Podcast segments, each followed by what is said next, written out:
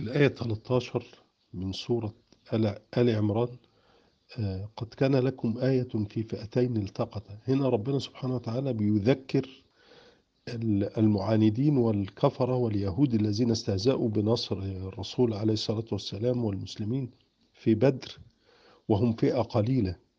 فهنا الآية دي بتذكرهم إن كانت فئة تقاتل في سبيل الله وأخرى كافرة الفئة الكافرة دي يرون ال- المسلمين مثليهم رأي العين يعني شايفينهم كثرة رغم إن هم كانوا حوالي 314 قصاد 1000 واحد.